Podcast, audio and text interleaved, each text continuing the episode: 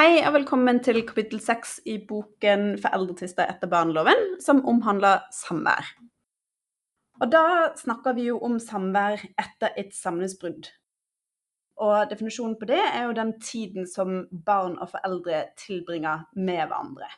Ja, for det er slik at barn og foreldre de har en gjensidig rett til samvær med hverandre etter et samlivsbrudd.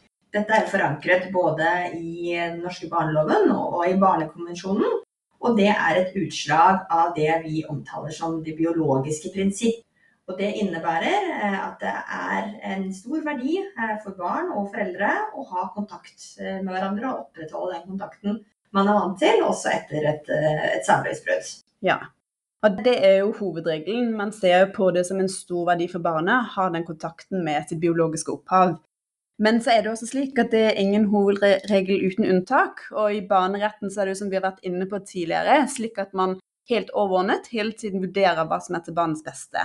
Og når det er det samvær, så er det slik at hvis man da ikke ser det eh, til barnets beste og har kontakt med en av foreldrene sine, så skal man altså ikke det. Nei. Da har retten også en hjemmel i barneloven til å beslutte at det ikke skal være samvær. Ja. Men det skal mye til. Der skal det veldig mye til. Og jeg jeg har vært borti tilfeller hvor det er blitt uh, dømt svært begrenset samvær, uh, men ikke noen dommer hvor det har blitt altså, dømt ingen samvær overhodet. Jeg vet ikke med deg, Maria? Jeg har et par saker, uh, men det er ikke mange, og det er veldig, veldig, veldig sjeldent. Og i de sakene så var det nettopp at det for barnet ville være helseskadelig, og det ville utløse traumereaksjoner hos barnet hvis det skulle være samvær. Ja, for det er jo gjerne altså, de tilfellene hvor det eventuelt ikke skal være samvær. Det er jo veldig, veldig alvorlige tilfeller. Mm. Og gjerne hvor det er utøvd vold tidligere over barnet. Og man vurderer det som en risiko for at det kan skje igjen. Eh, og det er også disse, denne, disse traumeopplevelsene for barnet ved å ha kontakt med forelderen. Og det er spesielt det siste fordi det det at det har vært utøvd vold, og at f.eks. For en forelder eh, soner, eh, det i seg selv eh, vil som regel ikke tilsi at det ikke er til barns beste med samvær. Mm. For da vil man jo kunne ha tiltak som vi skal komme litt nærmere inn på, f.eks. at noen er til stede og passer på under samværet. Eh, men det er jo gjerne det at det også må være den kontakten, at den må være helseskadelig i seg selv for barna, og mm. kanskje vekke gamle minner eller den type ting, mm. for at det da skal vurderes at, til barns beste å ikke ha noe samvær overhodet. Mm. Ja. ja, så hvis vi skal oppsummere, så får vi jo si det sånn at det skal veldig mye til for at man vurderer det dit hen at det ikke er til barns beste å ha kontakt med begge foreldrene sine. Ja, det stemmer. Eh, men da la oss gå over til å snakke litt om hvilke plikter og rettigheter eh, foreldre har som følge av at de har samværsrett. For det er jo slik at barn har rett til omsorg og omtanke fra den forelder som til enhver tid har samvær med. Mm. Og da ligger det jo også i det å ha samvær en beslutningsmyndighet. Um, og som vi tidligere har vært inne på, så har vi lagd en sånn fin oversikt i boken på side 15 som viser litt om både dette med foreldreansvar, fast bosted og samvær. Og bare for å, liste de, så når du har samvær eh, med barnet, så har du også myndighet til å foreta vurderinger og avgjøre dagligdagse ting, som gjelder f.eks. måltider, oppfølging av skole og fritidsaktiviteter, hvilke klær barna skal ha på seg, venner, hvem de omgås og legge seg osv. Ja, så altså si den, den, praktiske omsorgen når man har barnet. Ja. ja. Men her er det jo en del eh, sondringer og en del Konflikter. Konflikter, ja, en del konfliktpunkter. Absolutt. sondringer så mener jeg f.eks. hvis du tar dette med fritidsaktiviteter, da. Mm så er det jo slik at den som har barnet på samvær, den avgjør jo om barnet skal på fritidsaktivitet den dagen. Mm. Mens det er bostødsforeldre som har beslutningsmyndigheten i forhold til å melde en, et barn på en fritidsaktivitet. Mm. Og da er vi over til det du da skyter inn, kime til konflikt. Mm. Ja, det være seg jo bl.a. dette også den eh, rimelighetsfølelsen mellom foreldrene ofte. At det bunner i noe med at den ene har valgt at barnet skal gå på en aktivitet, og så man kanskje ikke mener man ikke at den tiden man har med barnet skal brukes til det. Og så dukker det opp en masse spørsmål om er det greit, og er barnet friskt nok til å gå på aktiviteter osv. osv. Men Ja. Nei, men også mye Jeg opplever også at det er mye uenigheter knyttet til detaljer omkring barnet når det er hos samværsforeldrene gjerne. Fordi at man som foreldre som har gått fra hverandre, så kan man jo ha veldig ulike tilnærminger til hvordan man skal håndtere et barn. Og det være seg både i forhold til mat og hvilke klær de har på seg, og hvem de omgås. Men her står det faktisk i forarbeidene at eh, en bostedsforelder den har ikke anledning til å detaljregulere hva, eh, altså disse spørsmålene Mm. eh, når barnet er på samvær. Og det er jo viktig å ha med seg. Ja, det er absolutt viktig å ha med seg, og det er noe vi ofte må minne Ja. klienter på. Så, men så er det jo også slik at når man står i disse konfliktene, så kan man jo fort kanskje reagere enda sterkere og, og raskere på, på småting. Og det ligger en, eh, ja, en, en historikk som kanskje gjør at det kan oppleves vanskeligere å, å løsrive seg fra det. Men det er viktig å huske, og det understreker både sakkyndige dommere stadig vekk, at eh, når, når barn er hos den ene og den andre, så, så går det helt greit at det er forskjell på hvordan disse hjemmene håndterer barnet. Det er kanskje det er jo greit at det er noenlunde like rutiner, men, men det, det, et barn skades ikke av å være eh, ha det no, noe strengere et sted og noen, noen regler et annet sted osv. Nei, men samtidig, dette har jo også Det kan få en betydning dersom f.eks. barnet skal være likt hos begge foreldrene. Eh, Da er jo det nettopp et moment at det skal Mm. være ganske likt, så at man skal ha ganske like rutiner. Ja, det er et godt poeng. Ja, at det er forskjell på hvor mye tid som er hos hver av foreldrene. Ikke sant? Mm. Det bringer oss jo over til, eh, til samværsomfanget, Mm. eh, som er viktig å si litt om når vi har, eh, når vi har kapittelet samvær. Mm. Og når det gjelder det konkrete samværet som en samværsforelder skal ha med barnet, så er jo utgangspunktet det at eh, foreldrene fritt kan avtale hvor mye dette skal være. Likevel så er dette begrenset da, til at man eh, som samværsforeldre ikke kan ha mer enn 50% av tiden med barnet.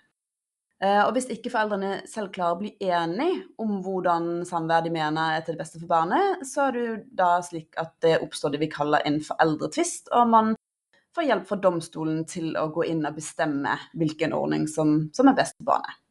Ja, og når retten da skal bestemme, eh, så er det heller ikke noen klare regler som definerer eh, hvor mye samvær det skal være. Det igjen må baseres på en, eh, en konkret vurdering av hva som fremstår for å være til det enkelte barns beste. Men det er jo en bestemmelse i loven som definerer vanlig samvær. Mm. Og det betyr, eh, eller det det defineres som da, er annenhver helg og midtuke, eh, den helgen hvor det ikke er samvær, og deling av alle ferier. Det vil si to pluss én eller tre uker totalt i sommerferie. Mm. Men ellers er det deling av alle ferier. Ja, og det som jo gjerne kan være litt utfordrende med en sånn definisjon av hva som er vanlig samvær, det er jo selvfølgelig at foreldrene henger seg litt opp i det. Eh, Men loven sier jo ikke noe om hva som er helg. Er helg fra torsdag til søndag? Er det fra fredag til søndag? Er det fra lørdag til mandag? Og så er det også hvordan feene skal deles. Det er heller ikke sagt noe, noe konkret om. Og det som vi jo gjerne ser i praksis, er jo at man, når barna gjerne blir litt eldre, så velger man f.eks. å flytte dette midtukesamværet opp mot helgen, sånn at det blir et lengre samvær, men ikke disse midtukesamværene. Ja, og også eh, i forhold til avstanden. Mm. Eh, Så hvis det er foreldre som bor i nærheten av hverandre, eh, så er det kanskje vanligere eh, med midtukesamværet. Men hvis det er noe reiseavstand, så pleier man ofte heller da å legge det midtukesamværet til helgen, Mm. så at det skal være mindre reisebelastning for barna. Mm. Så det er jo hva, hva er vanlig samvær i dag? Mm. Det kan man jo uh, diskutere lenge. Ja, det kan man. Og her har også um, Høyesterett uh, utdypet at dette er ikke noe man har rett til. Mm. Det er bare ment som et, et eksempel. Uh, og så har det jo også kanskje blitt Selvfølgelig har det blitt ganske vanlig fordi at det er en definisjon der. Mm. Så det er mange som, som har fulgt dette. Men det er også i takt med utviklingen ved at det blir mer og mer vanlig med eh, 50-50, så har det Mm. kanskje blitt noe mindre. Mm. Så, så dette her er også barnelovsutvalget eh, en del inne på i sitt lovforslag, eh, hvor de da ender opp med å, å foreslå at den definisjonen skal fjernes i det nye lovforslaget. Ja. Og det er jo da nettopp for å også få frem at man skal ta den konkrete vurderingen. Eh, og, og lovutvalget de, de viser da til at eh, ved at det står en sånn definisjon, så kan det eh, stå, stå i veien for den konkrete vurderingen. Ja, og når det gjelder hva som anses å være til det enkelte barns beste i forhold til samværsomfang, så er det jo gjennom rettspraksis etablert noen momenter som det skal tas hensyn til i denne vurderingen. Og det er jo eh, først og fremst alder og fungering på barnet eller barna. Eh, og det sier jo seg selv at det er stor forskjell på et lite barn og et stort barn i forhold til hvor mye samvær det skal ha med samværsforeldrene sine. Ja, eh, og her har Foreningen for sakkyndige psykologer, eh, som gjerne omtalt som FOSAP, eh, Mm. de har kommet med noen retningslinjer for hvilke samværsomfang som kan være til, til det beste for de aller minste barna. Og der er det også viktig å bare nevne at når det gjelder de minste barna, så er jo en slik veileder kanskje ekstra viktig, fordi at man ikke De kan jo ikke selv si noe. Det er De, der er man da er man avhengig av at det er noen sakkyndige som kan komme inn og komme med noen gode råd. ikke sant? Og derfor så er de eh, veldig konkrete. Og det har jo også sine fordeler og ulemper. Mm. Eh, men, eh, men de er altså så konkrete at de da foreslår eh, samvær for da barnets eh, halvår fra null til tre år. Mm. Eh, og hvor det da er en gradvis opptrapping. Eh, og i de første eh, månedene der så anbefales det da at det skal være regelmessig og hyppig med korte samvær. Eh, og da eh, gjerne med hovedomsorgsperson, eh, da i praksis mor, til stede eller tilgjengelig. Og så skal det da gradvis i barnets andre halvår trappes opp til flere timer fortsatt på dagtid, men da mer og mer ut fra hovedomsorgspersons hjem og mer og mer alene. Eh, Og sånn går det da eh, gradvis oppover, eh, med da etter hvert overnatting fra barnets første leveår. Og da er det jo bare viktig at man husker i denne sammenhengen her at disse anbefalingene er jo lagt eh, til at det skal være barn som i utgangspunktet ikke har bodd sammen med foreldrene, samværsforeldrene sine. Ja, dette er jo da eh, tatt utgangspunkt i fra barnet blir født, og da at foreldrene ikke bor sammen. Så situasjonen blir annerledes hvis, barn, hvis mor og, og far går fra hverandre når barnet er to. Helt klart, for da er det jo en tilknytning fra før av. Ja. Eh, og da skal jo utgangspunktet være å videreføre den tilknytningen. Mm. Eh, så, da, så da vil det legge til rette for langt mer samvær. Mm.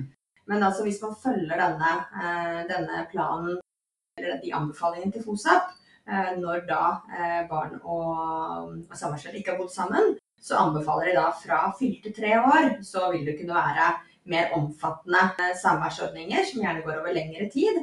Og mange da uttaler FOSA vil, eh, vil være i stand til å ha tilnærmet lik samværsordning, altså Mm. 50-50. Men, men som du sier, så er jo dette veldig konkret, og de har sine fordeler og ulemper. Ja. Og det kan jo, noen vil jo, vil jo anføre at denne skal uh, følges ganske slavisk, Mm. men uh, det har jo fortsatt også tatt opp uh, noen, noen momenter sånn til både mer og mindre samme. ja, det har de, og de er veldig viktige. Mm. Eh, Det defineres da momenter hvor det da kan være til barns beste med mindre samvær enn anbefalingen. Som f.eks. er når det er vanskelig eh, samarbeid og kommunikasjon. Eh, For de som du var inne på, så er jo så små barn de er avhengig av at foreldrene kommuniserer og da kan formidle barnets behov til hverandre. Eh, Og at det er eh, rutiner som er relativt like. Her for Mm. eksempel, er noen eksempler på situasjoner eh, hvis ikke man har de like rutinene, at det da kan være, ikke være så mye samvær. Eh, Og tilsvarende motsatt, da. Eh, Når det er et veldig tett og godt samarbeid og like rutiner, så kan det kanskje være mer. Mm. Så det er viktig at hvis man skal benytte veilederen til, FOSAP, så må man absolutt se på eh, de momentene, og ikke følge den slavisk, men, Mm. men vurdere det konkret ut ifra familiens situasjon.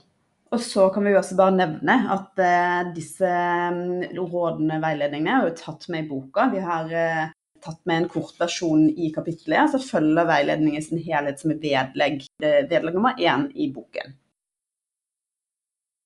Når det gjelder eh, de eldre barna, for FOSAP eh, er jo da som nevnt eh, anbefalinger for barn 0 til 3 år. Men etter hvert som barnet blir eldre, så er det naturlig, og det følger også av barneloven, at de da i større grad selv skal være med og, og avgjøre samværsomfanget. Og Da er det jo barns ønsker skal jo, som vi tidligere har vært inne på, de skal jo høres fra de er syv.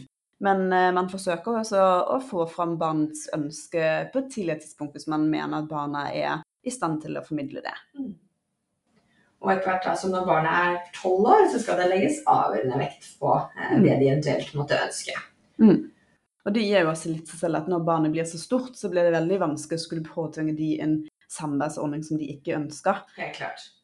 Så Og her eh, kommer jo gjerne også eh, da eh, det neste momentet, som er tilknytningen til både foreldre og nærmiljø. Hvor det da Mm. for de litt eldre barna er det jo gjerne tilknytning til nærmiljøet er, Mm. er viktig. Dvs. Si at de da kan ha kontakt med venner, fritidsaktiviteter mm, under samvær. Så Mm. hvis det er da en samværsforelder som er lenger bosatt, eller lenger unna bosatt enn enn hovedomsorgspersonen, så, så vil jo det ofte kunne være noe som bidrar til at det blir mindre samvær fordi at et eldre barn da får ikke spilt kamper f.eks. og på en Mm. måte vært sosial eh, i helger som naturlig at eldre barn etter hvert er. mm.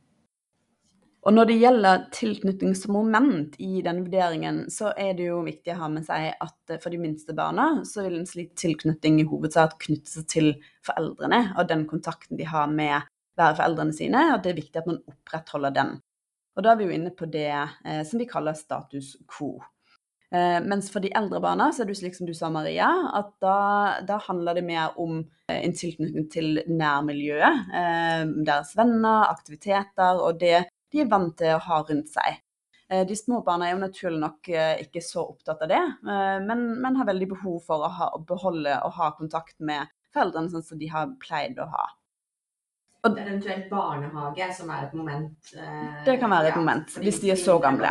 Ja, hvis de du går i barnehage, så vil jo det å måtte bytte barnehage, det vil jo kunne være en belastning som man tar med i totalvurderingen. Mm. Men hvis de har vært, eh, har en sterkere, en klart sterkere tilknytning til en av foreldrene, så er det sjelden eh, at de, man ikke vurderer at de vil tåle et barnehagebytte. Det Mm. vil som regel da bli vurdert som verre. Mm. En større omveltning for barna og da eh, få en eh, endret eh, omsorg i forhold til hvem de er, eh, har sterkest tilknytning til, enn å måtte bytte barnehage. Ja, så er det jo som du nevnte, Maria, også et moment i forhold til geografien, og hvor lang reisevei det er mellom hver foreldrene. Hvis man har, liksom, bor innenfor samme skolekrets og har relativt kort reisevei, så kan jo barna i praksis være ganske hyppig hos hver foreldrene sine. Men med en gang det, er en lengre reisevei, så, så gjør det det vanskelig både fordi at det vil være et hyppig bytte av miljø eh, for barna, men også fordi at eh, det vanskeliggjør det i forhold til oppfylling av skole osv. Ja, det vil jo ofte bli litt mer bundet til ferier for skolebarn eh, når det er så lang reisevei at eller barnet er avhengig av å reise for å komme til den andre og få ha samvær. Mm. Så det er klart at hvor man er bosatt, det har av betydning ved, ved fastsettelsen av hvilket samvær som er til barnets beste. Mm. Og så er det da et par momenter til som ofte går igjen i rettspraksis. Eh, Det er vel et utgangspunkt om at man ikke skal skille søsken. Mm.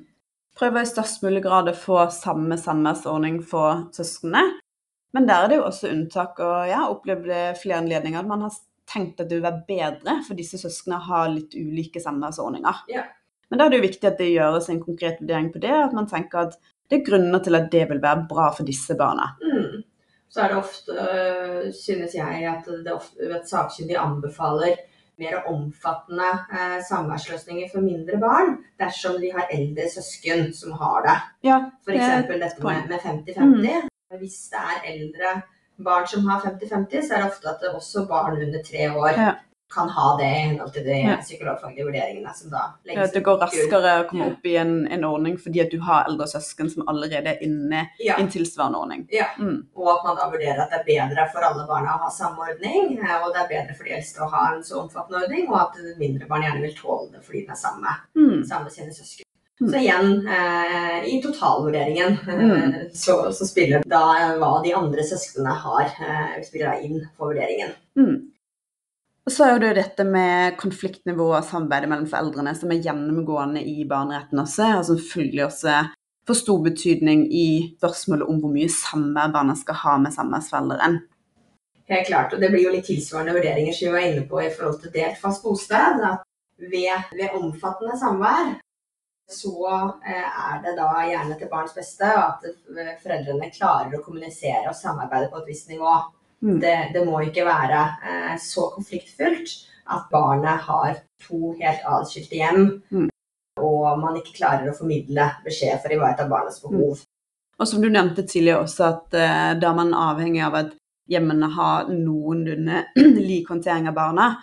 Og da tenker jeg, altså Barna tåler som sagt eh, veldig godt å ha forskjellige foreldre, men man må klare å kommunisere om hva som er rutinene hjemme, og at barn blir fulgt opp, og at, at barna opplever at foreldrene har en kontakt, så er ikke det de som har ansvaret for å formidle til hver av foreldrene. Nå får jeg lyst til å, å fortelle, jeg sitter faktisk akkurat nå med, med en stemning som går på akkurat dette her, hvor man praktiserer 50-50. Mm.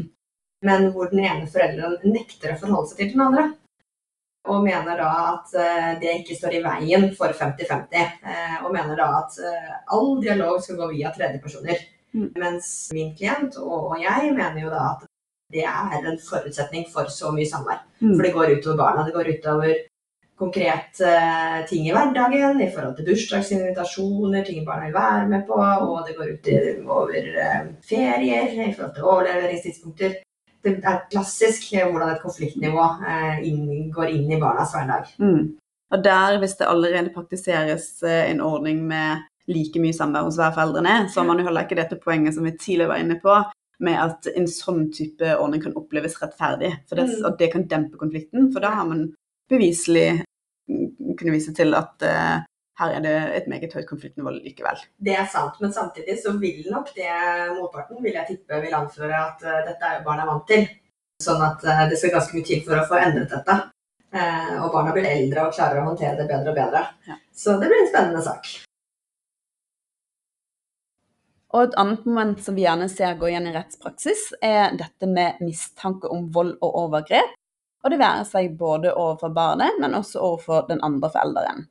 Og det er jo et slikt moment som vi snakket om innledningsvis, rent faktisk kan føre til at man ikke vurderer det å være til barnets beste, og har kontakt eller samvær med en forelder som man mistenker, mistenker eh, har utført eller vil utføre vold og overgrep. Ja. Det eh, er viktig da å ha med seg at eh, selv om eh, det er vurdert i, i en straffesak at eh, et, en eh, forelder ikke er funnet skyldig, så betyr ikke det at ikke det er et moment i en barnefordelingssak. Terskelen er jo mye lavere eh, for at det skal være et relevant moment i en sak etter barneloven.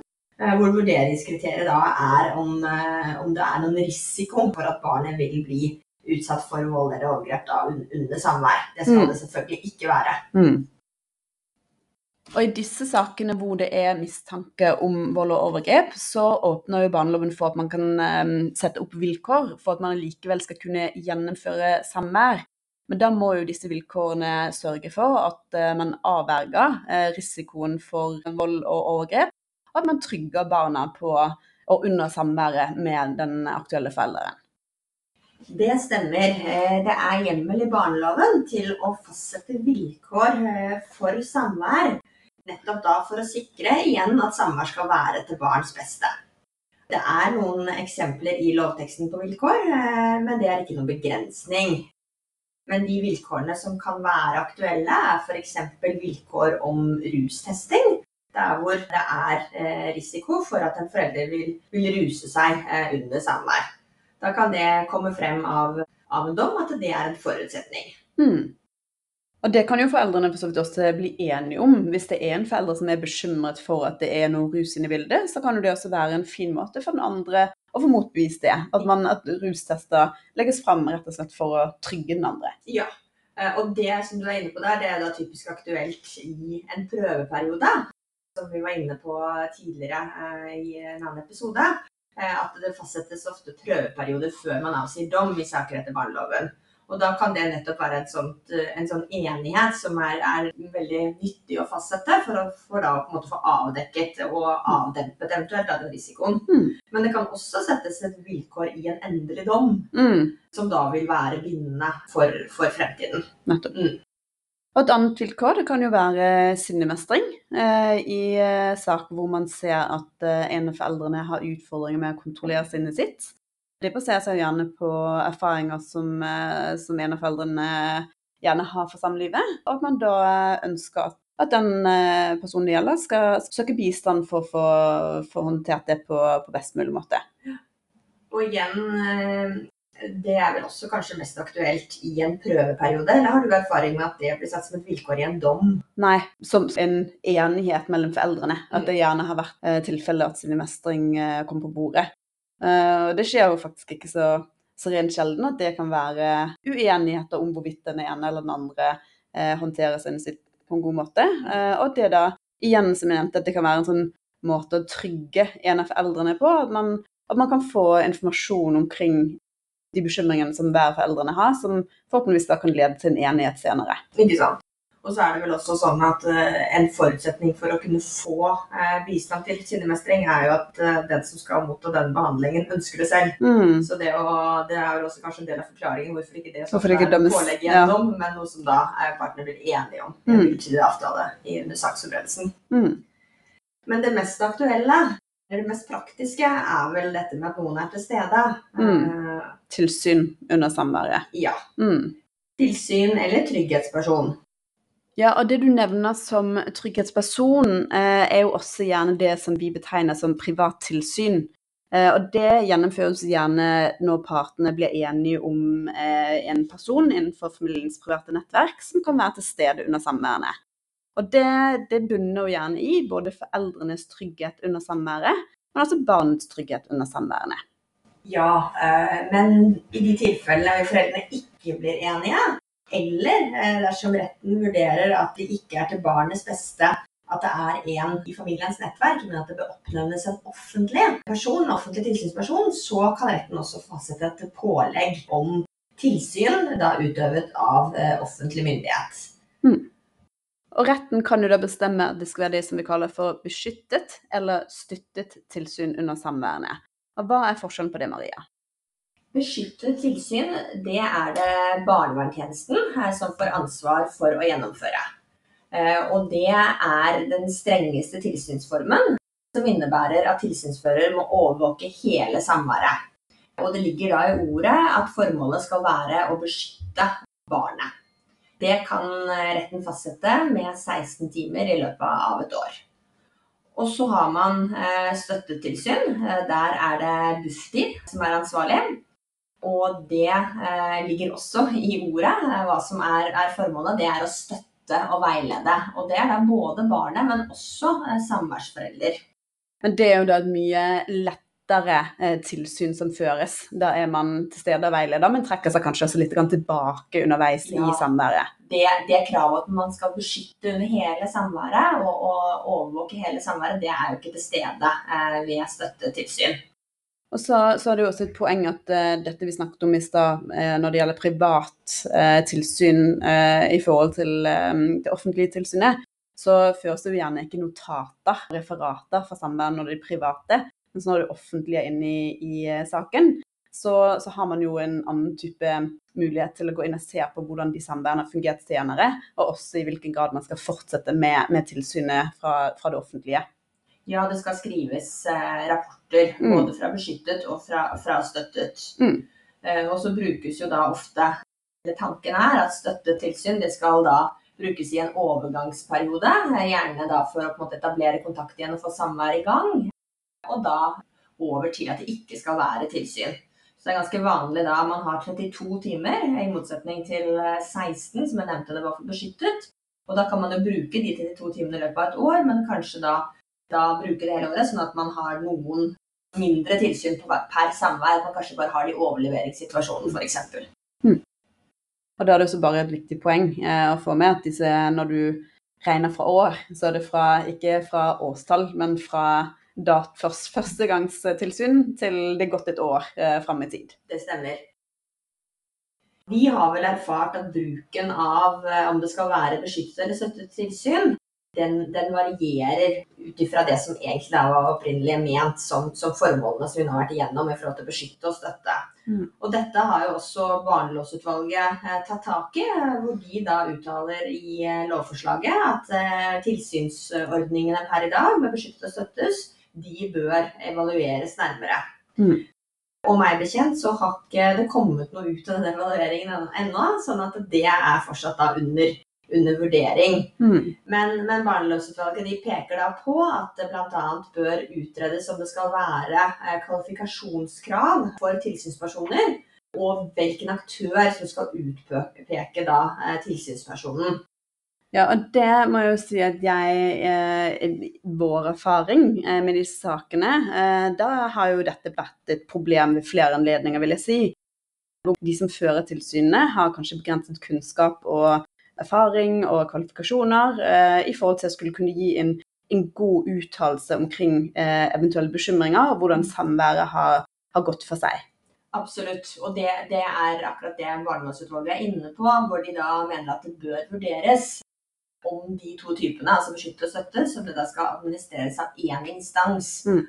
At ikke det skal være barnevernstjenesten og kommunen eller uh, Bufetat Bufdir som har ansvar for å oppnevne tilsynspersonen, uh, men om det da skal være én instans, sånn at man uh, bedre kan på en måte sette dette i system og i Mm. sammenheng. Det skillet er jo egentlig veldig kunstig. Eh, Veldig. Ja. Det, det sklir veldig over i hverandre. Som du, du sa innledningsvis også, så, så opplever jo jeg at man i domstolen tidvis eh, legger mer til rette for hva som er praktisk gjennomførbart, både i forhold til timeantall og hvem det er som fører tilsynet, eller at man egentlig går inn og vurderer eh, hva som er de bakenforliggende hensynene i forhold til de ulike samarbeidstypene, nei, i forhold til de ulike tilsynsordningene. Jeg er helt enig. Og det er påfallende eh, ofte hvis barnevernstjenesten er inne, at man da beslutter beskyttet. Mm. Fordi at da tenker man at de er nærmere til å, til å utøve tilsynet. Mm. Og da blir det jo påfallende igjen når da barnevernstjenesten ofte delegerer dette til samme eh, tilsynspersoner som utøver støttetilsyn. Mm.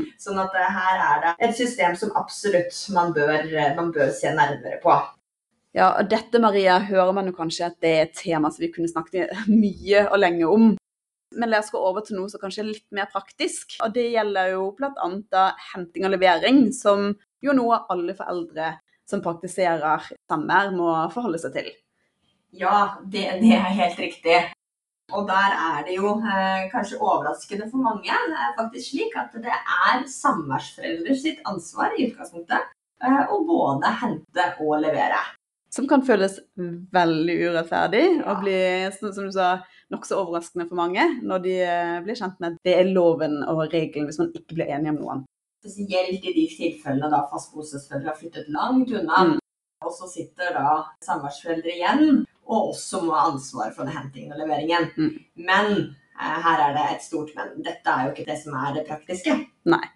Vanligvis så, så deler foreldrene dette mellom seg, og hvis man ender opp i rettsmøter, så, så blir det også lagt et veldig stort press på en av foreldrene som eventuelt ikke ønsker å bidra til dette, Mm. eh, altså fast bostedsforelder, slik at dette blir en, en rimelig fordeling på, på reise og ansvar knyttet til det å få, få gjennomført samværene. Ja, det er helt klart vanlig er at man har ansvar for én vei hver. Ja. Eller annenhver gang, eller hvordan Eller man gjør det. annenhver gang. Ja. Mm. Men det er også veldig veldig vanlig at man bruker nøytrale steder til overleveringen. Da f.eks. barnehage eller skole, men så må man jo da ha ansvar i ferier og de, de Mm. andre gangene hvor ikke det er noe, Mm. Det er noe så naturlig annet overleveringstidspunkt. Ja. ja.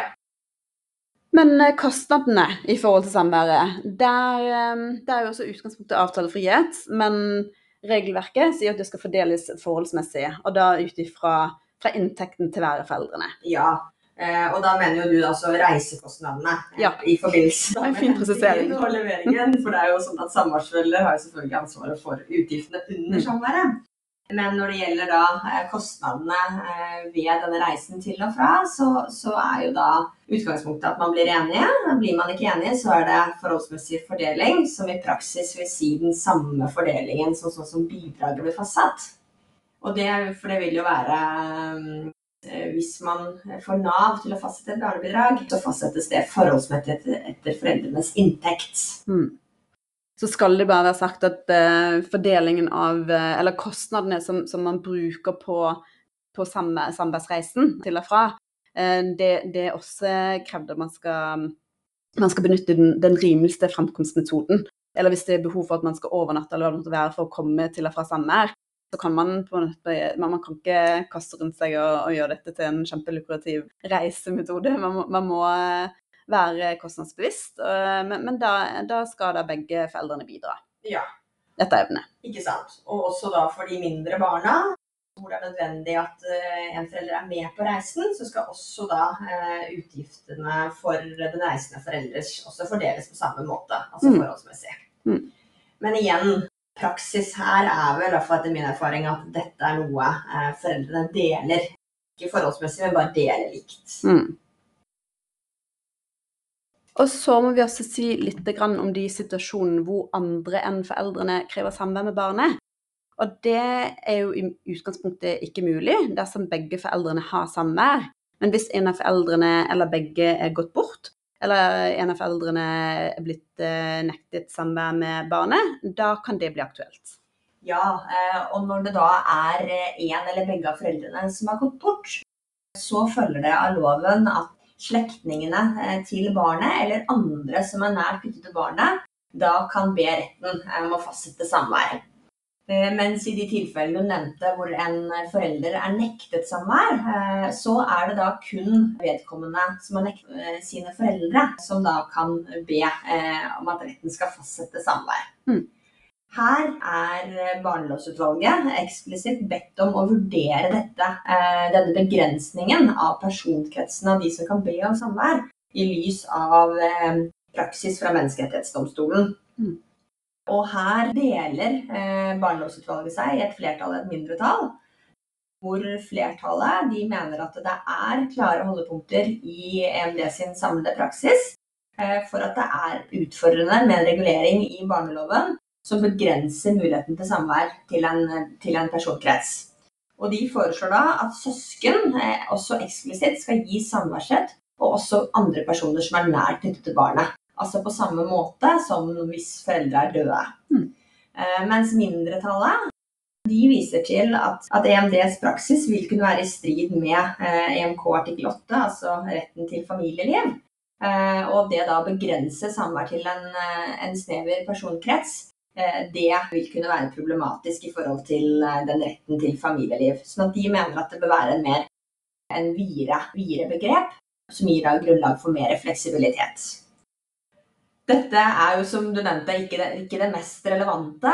Eller i hvert fall ikke det vi har flest klienter som kommer til oss og stiller spørsmål rundt. Men det er jo viktig menneskerettslig sett, eh, og viktig å ha med i forhold til barns rett til samvær, og som vi nevnte da innledningsvis, dette med prinsippet om det biologiske opphavet, at man har Samværet skal jo bidra til at barn har kontakt med sitt biologiske opphav. Mm. Og med det så er vel også ved veis ende for kapittel seks. Og sier takk for oss for denne gang.